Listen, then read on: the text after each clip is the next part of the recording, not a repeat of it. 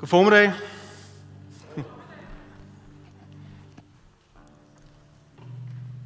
Gud elsker dig. Er du klar over det? Gud elsker dig. Så kan vi sige amen, ikke? Himlens og jordens skaber elsker dig. Øhm, nogle gange kan det måske være meget godt lige at mærke efter, hvad, hvad, hvad gør det ved dig, når du får det her at vide, at Gud elsker dig. Hvad gør det ved dig? Hvad gør det ved os? Gør det noget ved os? Måske så har du hørt det til hudløshed. Ja, Gud elsker dig. Super. Godt. Øhm. Men det er ikke sådan en, Gud elsker jo menneskeheden. Jo, men... Eller, Gud elsker jo alle. Men nej, det er, det, det, det Gud elsker dig. Uanset om du udmærket godt ved det, eller hører det for første gang, så er det sandheden. Og som, som kristne, der er det jo sådan lidt sådan en elementær viden. Øh, ligesom vi ved, at, at når der er 30 grader udenfor, så er det varmt. Er det ikke rigtigt? Og for mit vedkommende, der må jeg bare sige, født og opvokset i en kristen familie med alt, hvad der dertil hører, så må jeg ærlig indrømme, at indimellem, så kan det godt blive en lille smule udvandet. En lille smule banal, fordi vi har hørt det så tit, vi ved det godt. For hvad betyder det egentlig? En Gud elsker dig, hvad betyder det? Jeg tænker, for at forstå Guds kærlighed, så er vi nødt til at starte sådan helt fra, fra grunden af. Øh, og i øvrigt så hedder min, øh, min, min prædiken i dag, den hedder Kærlighedens konsekvens.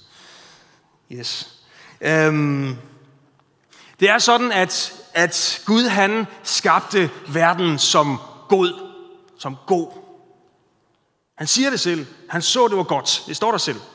Han så, det var godt. Han så, det var så godt. Hvis vi er i tvivl om det, så kan vi jo bare gå, øh, gå en tur på stranden.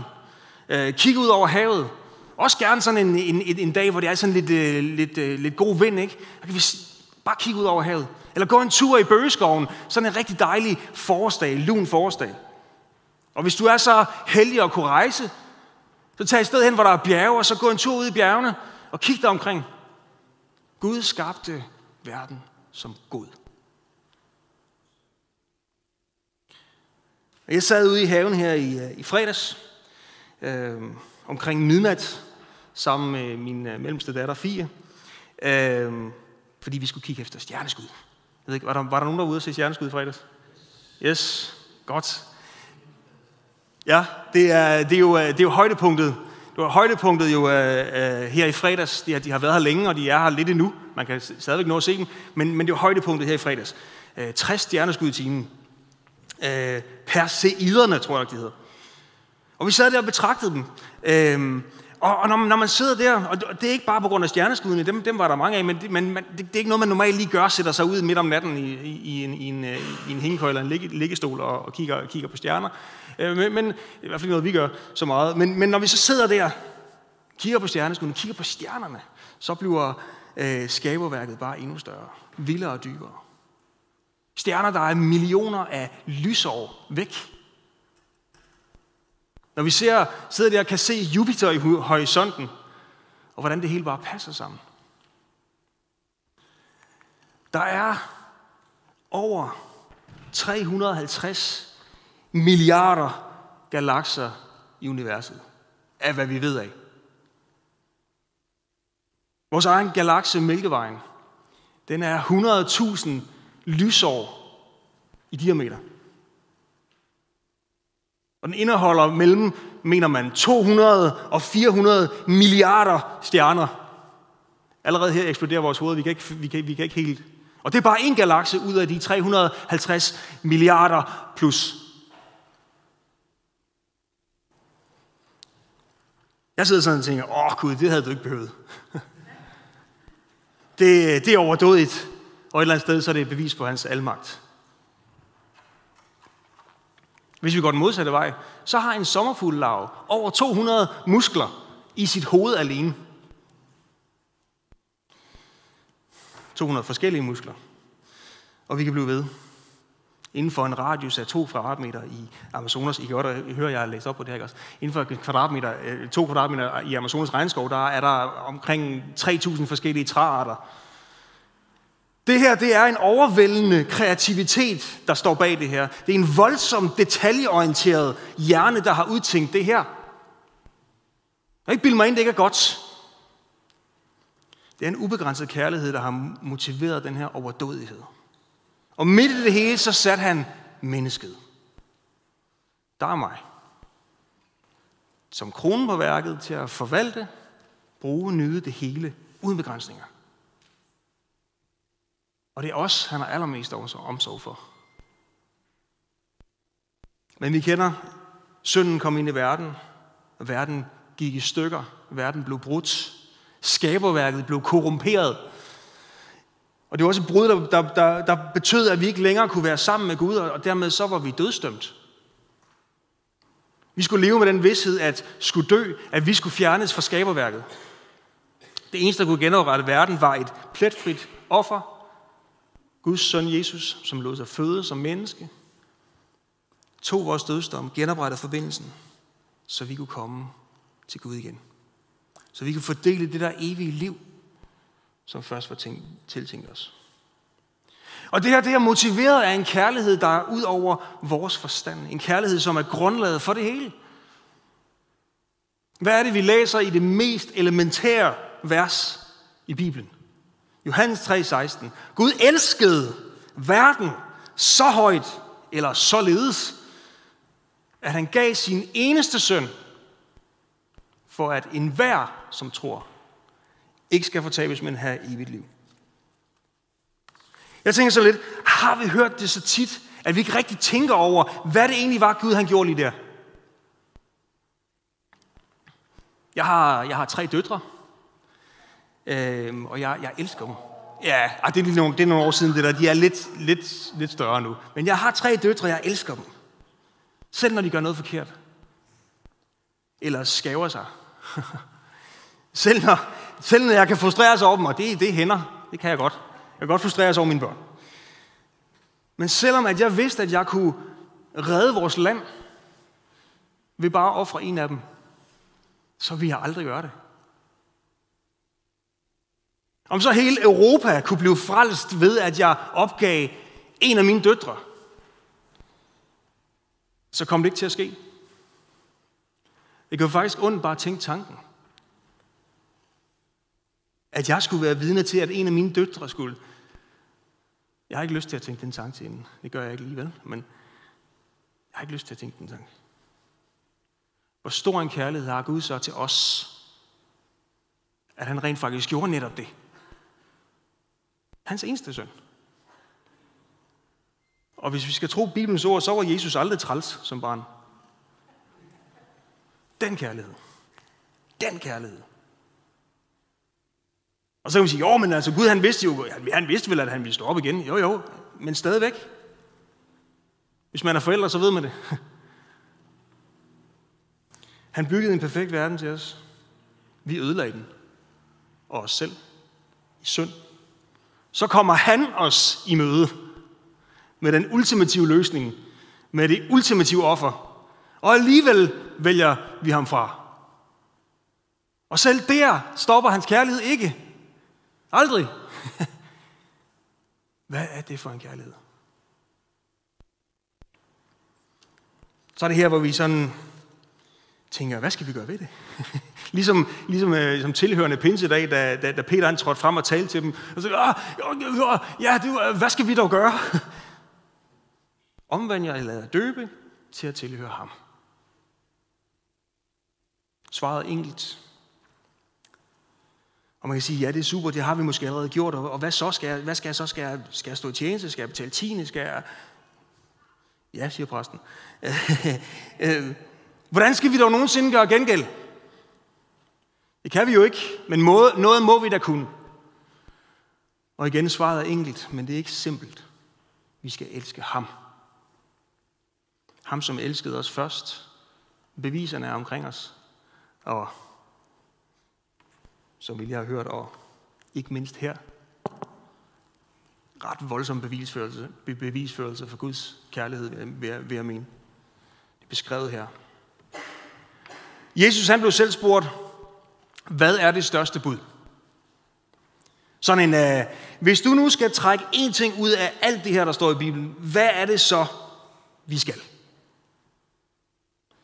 Det er meget enkelt, ven. Kærlighed. Vi læser det af Matthæus uh, 22, 37-40. Du skal elske Herren din Gud af hele dit hjerte, af hele din sjæl, og hele dit sind. Det er det største og det første bud. Men der er et andet, som står lige med det. Du skal elske din næste som dig selv. På de to bud hviler hele loven og profeterne. Det her, det kommer direkte ud af munden på Jesus. Jesu egne ord. Og det er fordi, at hvis vi bare var i stand til at praktisere det her, så ville vi faktisk ikke komme i problemer hele tiden. Og hvis man som, som sådan, øh, nu snakker vi forældre og sådan noget, hvis man som sådan en rigtig trælse forældre skulle formulere det, så blev det sådan nok mere, det er sådan et, et, et guilt trip, ikke? Sådan et, øh, øh sådan en, en, en, øh, en træls forældrekommentar. Øh, designet til at give dårlig samvittighed, ikke? Sådan en, øh, ja, hvis du dog bare ville elske Herren af hele dit hjerte, og så kunne få, dig, få, få det over dig selv, og elske andre mennesker lige så meget, som du tydeligvis jo elsker dig selv, så vil der faktisk ikke være et problem. Jeg ved ikke, om der er nogen, der kan høre det. Nej, det er også voldsomt, ikke? Men det er jo ikke sådan, det er. Vi kan ikke, øh, selv når vi fejler i det mindst simple, så kommer han os i møde med noget. Vi kan ikke guilt-trippes til at elske Gud. Vi kan ikke guilt-trippes til at være gode mennesker. Det kommer ud af kærlighed. Og ikke med vold og magt. Men ud af den kærlighed, som vi blev elsket med, først må kærligheden til vores Herre vokse. Vi må være helt aldeles forelsket i Jesus. Hvordan? Vi må lade os forvandle. Vi må lade os forvandle. Og med den kærlighed, så bliver vi i stand til at elske ham, elske os selv, elske vores næste, elske hinanden. Hvorfor siger Paulus, at størst er kærligheden? Øhm, hvorfor siger Jesus, at det vi skal kendes på er den indbyrdes kærlighed? Fordi det er grundstenen i vores relation til Gud og til hinanden. Det er det, der skiller os ud fra verden. Og uden den kærlighed, der har vi intet at tilbyde til verden. Vi skiller os ikke ud. Uden den kærlighed er vi intet sine. Har lagt mærke til, at når, når, når, man, når vi læser Bibelen, øh, så ligger kærligheden som oftest til grund for vores interaktion med, med hinanden. Den ligger altid til grund for tjeneste, til relationer, fællesskab, alt hvad, hvad, der, hvad der har med mennesker at gøre. Kærligheden ligger til grund. Og når noget går, går, går, går galt i, i fællesskabet, så er det fordi kærligheden på en eller anden måde fejler eller mangler. Og når vi taler om kærlighed, så er 1. Korinther 13, den måtte komme. 1. Korinther 13 er en af de kapitler, som vi ikke kommer udenom. Det er kærlighedskapitlet. Det vi læser til bryllupper, og det er sådan set fint nok, men det er meget større end det. Det handler ikke bare om, om kærligheden mellem de elskende. Det handler om den guddommelige kærlighed. Det handler om agape. Altså den kærlighed, som, hvad kan man sige, er uafhængig af de private forhold. Den, som er udgangspunkt, den som, som udgangspunkt er Guds frelsende kærlighed. Den nådige, den ufortjente, den uforbeholdende kærlighed. Den, der ikke kan være til, uden Gud virker den. Den, der gør dig i stand til at elske din fjende, og din næste, selvom du måske knap nok ved, hvem han er. Jeg har faktisk lyst til at læse 1. Korinther 13 her, sådan bare lige sådan lidt, lidt stille og roligt. Sådan lige, øh, ikke, ikke bare for at læse bibelvers, men, men sådan lige for at tage en lille timeout her. Og bare lige læse, og hvis du har en bibel med, så, så må du tage den frem, eller så kan du følge med herop. Øhm, så læs med, eller, eller så kig op på, øh, på, på slidet her. Om vi så taler med menneskers og engles tunger, men ikke har kærlighed, er et rungende malm og en klingende bjælle. Om jeg så har profetisk gave og kender alle hemmeligheder og ejer al kundskab og har al tro, så jeg kan flytte bjerge, men ikke har kærlighed, er jeg intet. Om jeg så uddeler alt, hvad jeg ejer, og giver mit læme hen til at brændes, men ikke har kærlighed, gavner det mig intet. Kærligheden er tålmodig. Kærligheden er mild. Den misunder ikke. Kærligheden praler ikke. Den bilder sig ikke noget ind. Den gør intet usømmeligt. Den søger ikke sit eget. Den hilser sig ikke op. Den bærer ikke af. Den finder ikke sin glæde i uretten, men glæder sig ved sandheden. Den tåler alt, tror alt, håber alt, udholder alt. Kærligheden hører aldrig op.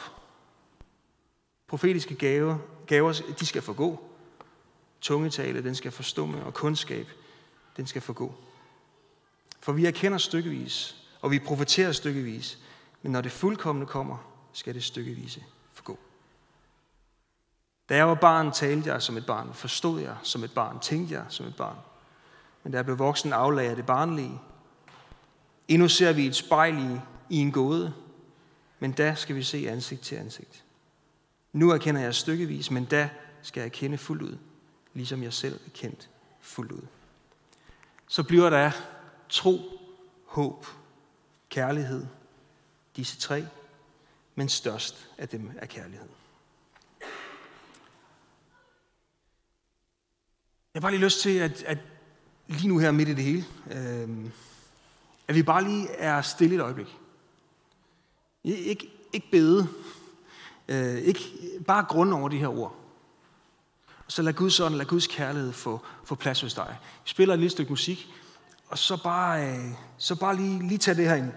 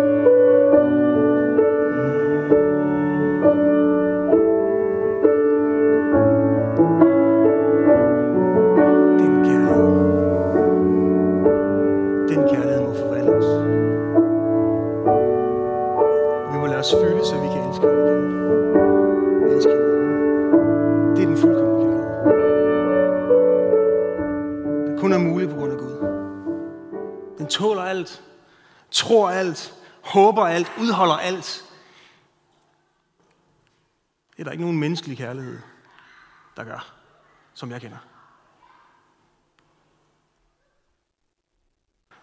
Og det kan godt være, at kærlighedskapitlet her er blevet en lille smule træt i vores forståelse. Og hvis det er tilfældet, jeg fik sådan en lille trick her, en lille tip her i ferien. Ja, et lille trick. Øhm, som udfordrede mig en hel del faktisk. Hvis vi bare lige kigger på vers, vers 4 og 5, de to første vers, som, øh, som står der. Øhm, så prøv at sætte dit eget navn ind der, hvor der står kærlighed. Og så bagefter overveje, om du har brug for Guds hjælp. Morten er tålmodig. Morten er mild. Morten misunder ikke. Morten praler ikke. Morten biler sig ikke noget ind. Morten gør intet usømmeligt. Morten søger ikke sit eget. Morten hisser sig ikke op. Morten bærer ikke en nag. Hvordan synes du selv, det går? Okay, det er en proces. Fair nok. Og Gud han giver ikke op på os, når vi prøver. Når vi, når vi, når vi forsøger at leve det her. Men hvordan gør man det dog? Så fortæl os det dog. Jeg står ikke her med en ny og smart metode til at elske Herren din Gud.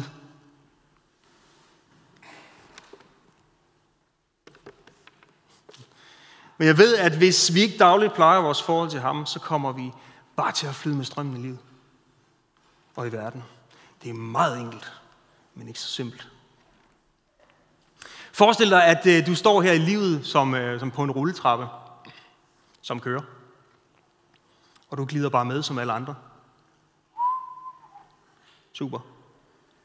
Skiller dig ikke ud. Du kører bare rulletrappen.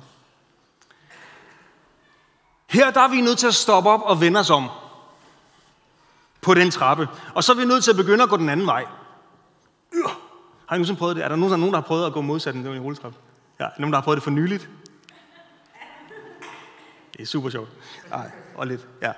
Øh, det kan godt være lidt, lidt svært, og det ser måske lidt fjollet ud. Øh, og så sandsynligvis er der også folk, der synes, du er en idiot, hvis du bliver ved. Især hvis dem, du møder på vejen. Det er lidt, nogle gange lidt sådan at jagte, ikke? Øh, at følge Jesus, det, er, det kan være en kamp. Og der vil være folk, der synes, du er en idiot. Men det er det hele værd. Og mennesker vil lægge mærke til det. Og ikke kun negativt. Måske er det svært med at gribe det her med at elske Gud, men at pleje forholdet er en god start. Jakobs brev 4.8, så læser vi om at holde sig nær ved Gud, og så vil Gud holde sig nær til os. Jesus han siger i Johannes 15, 15 4, Bliv i mig, og jeg bliver i jer. Ligesom en gren ikke kan bære frugt af sig selv, men kun når, det, når, når den bliver på vintræet, sådan kan I heller ikke, øh, hvis I ikke bliver mig. Og når du søger Gud, så prøv at starte med at lade være med at bede. For tit så kommer vi med vores egen agenda frem i bønden. Og der er så mange ord, og jeg har sagt en del af dem her i formiddag, men, men stop din snak, og bare betragt ham i skaberværket, i din forestilling, i dit yndlingsbibelvers. Som mennesker i det her moderne samfund, der er vi som oftest langsomme til at lytte og hurtige til at tale. Sæt farten ned, inden du begynder at bede. Og når du beder, så bed om Guds kærlighed. Det må blive synlig, det må vokse i dig. Og det er ikke bare ren viljestyrke, der er noget her, som Helligånden virker i os. Vi har brug for Helligåndens indgriben i vores liv. Vi må, vi må have det rette billede af Gud, og jeg tror mange gange, at vi i den vestlige verden øh, har et skævt billede af ham. Vi tænker bare, at Gud han er sådan en mild og godhjertet ven, som bare er taknemmelig, når vi i vores travle hverdag lykkes med at presse ham ind mellem morgenmad og tandbørstning. Men Gud han ved godt, han er alle ære værd. Gud han er ikke mindre værd. Han ved, han fortjener at være midtpunkt i dit liv. Og at han har den eneste sande vej. Og Jesus, han krævede alt af sine disciple. Fordi han ved, at det liv, han giver, er det hele værd. Gud, han ønsker ikke vores rester. Han vil have hovedretten. vil have os helt. Og det kan føles som et sats, det kan føles som et offer nogle gange. Det er okay. Fordi vi ved, igen, ha, vi har allerede vundet. Er der nogen, der har fulgt med i Tour de France? Nej. Hvem vandt? Jonas Vingegaard. Okay, super. Så, så lidt ved I. Det er ikke så meget Jonas Vingegaard, jeg har lyst til at snakke om. Jeg har lyst til at, at, at, at, at bare lige tage en enkelt lille, lille ting frem. En af de sidste dage i turen, der, der, der talte kommentatoren om, om Vingegaards indsats, og om hvordan at det er vigtigt at spare på kræfterne, så man kan holde frem til målet. Men nogle gange så kan man også lige mærke efter, om, om man har kræfter til at tage en chance til at, at, at stikke af. Og måske endda vinde etappen. Og så siger han, åh, det, jeg synes, det var så godt. Det, det, det, ja. Øhm, så siger han, man skal være villig til at tabe for at vinde stort. Seriøst, det er det mest intelligente, jeg har hørt under hele turen. Man skal være villig til at tabe for at vinde stort. Og her kommer jeg til at tænke på, hvad må det koste at følge Jesus? Det kan føles som et sats, det kan føles som et offer. Hvis jeg satser her, så mister jeg måske. Men vi har allerede. Noget, som de her Tour de France cykelrytter ikke ved. Om Tour de France selvfølgelig. Vi har allerede vundet. Og måske har Gud endnu mere i vente til dig. Men hvad vil du gøre for at finde ud af det? Hvad må det koste? Cykelrytterne de risikerer at tale, tabe, hvis de har fejldisponeret deres kræfter, men vi kan højst miste vores malighed, hvis vi satser på alt på ham. Og selvfølgelig så er noget ny hver morgen. Gud er en fantastisk kærlig Gud. Men vi bør blive udfordret af den kærlighed, han viser os. Evangeliet, det må udfordre os. Hvis vi på nogen måde skal være relevante for en verden, som så desperat længes efter kærligheden, længes efter agape, en fuldkommende kærlighed. Lad os bede sammen. Far i himlen, tak, at, øh, at du må være tydelig, blive tydelig her i vores hjerter, i vores liv. Tak, her, at du, øh, du viser os den kærlighed her. Tak, at du allerede har vist os den ubeskrivelige kærlighed her. Men må det bare blive liv for os. Midt i vores hverdag, midt i tumormen her, midt i alt det, som, som os fylder. Må du her træde frem her, må du blive vigtig, vigtigst hos os. Her, vi ønsker bare se mere, mere af din kærlighed, mere af din kraft og din styrke her. Dit navn.